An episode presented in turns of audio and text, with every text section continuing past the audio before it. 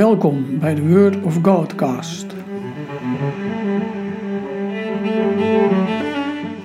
Mijn naam is Wim van Wijk. In deze podcast hoor je elke aflevering een meditatie over een Bijbeltekst, afsluitend met een kort gebed. Vandaag over de tijd tussen Pasen en Hemelvaart. Vorige keer noemde ik al dat de kerk geen speciale 50 dagen tijd kent tussen Pasen en Pinksteren. Het gaat steeds om paaszondagen. In alles straalt de vrede van Pasen door. En de verwachting is nog niet gericht op de komst van de Heilige Geest. Dat begint pas goed als de Heer echt naar de hemel is gegaan. Dan krijgen de apostelen de opdracht om te wachten op de belofte van de Vader dat de Heilige Geest zal komen.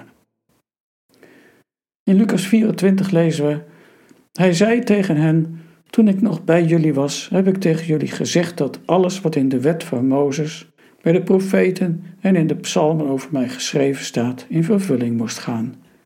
Daarop maakte hij hun verstand ontvankelijk voor het begrijpen van de schriften.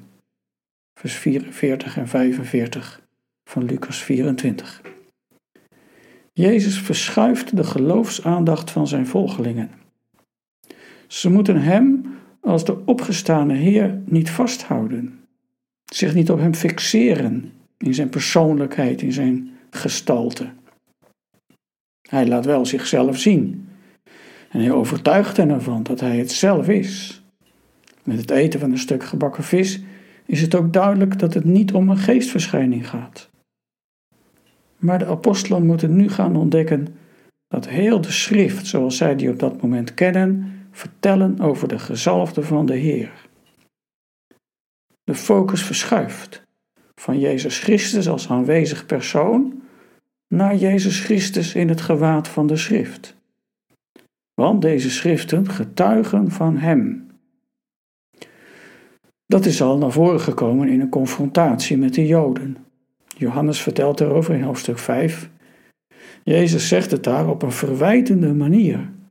Jullie bestuderen de schriften en jullie denken daardoor eeuwig leven te hebben. Wel nu, die, die schriften, getuigen over mij. In deze confrontatie een hard woord.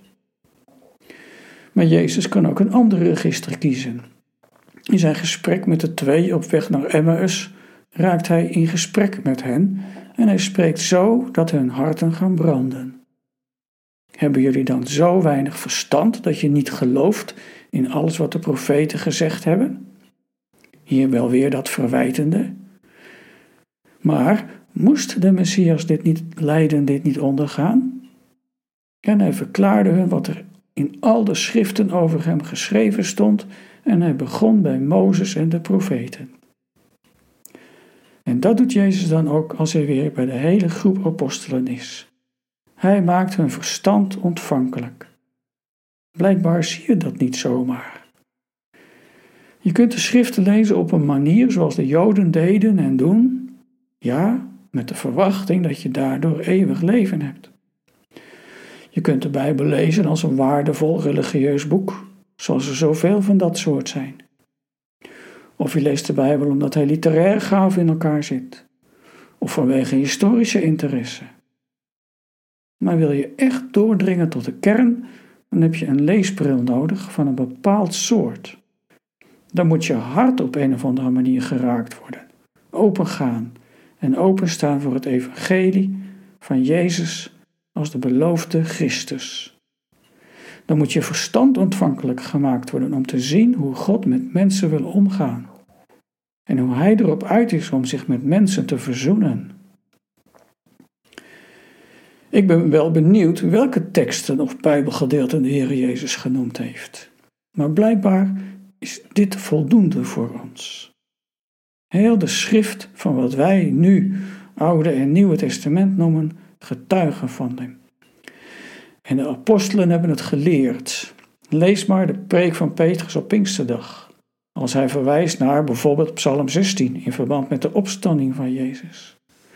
Lees maar de reden van Stefanus hoe hij heel de heilsgeschiedenis vertelt en dan bij Christus uitkomt. En ik denk aan de reden van Paulus in Athene, Alles loopt uit op Christus en op de verkondiging van Hem. De verkondiging van Jezus Christus, de gekruisigde en de opgestaande Heer, hangt niet in de lucht, maar is verankerd in alle eeuwen daarvoor, bij Mozes, bij de profeten en in de psalmen. Daar kan de kerk dan ook eeuwen mee vooruit, totdat Jezus Christus zelf weer terugkomt. Ik daag je uit om een paar voorbeelden te noemen uit het Oude Testament die betrekking hebben op Jezus Christus.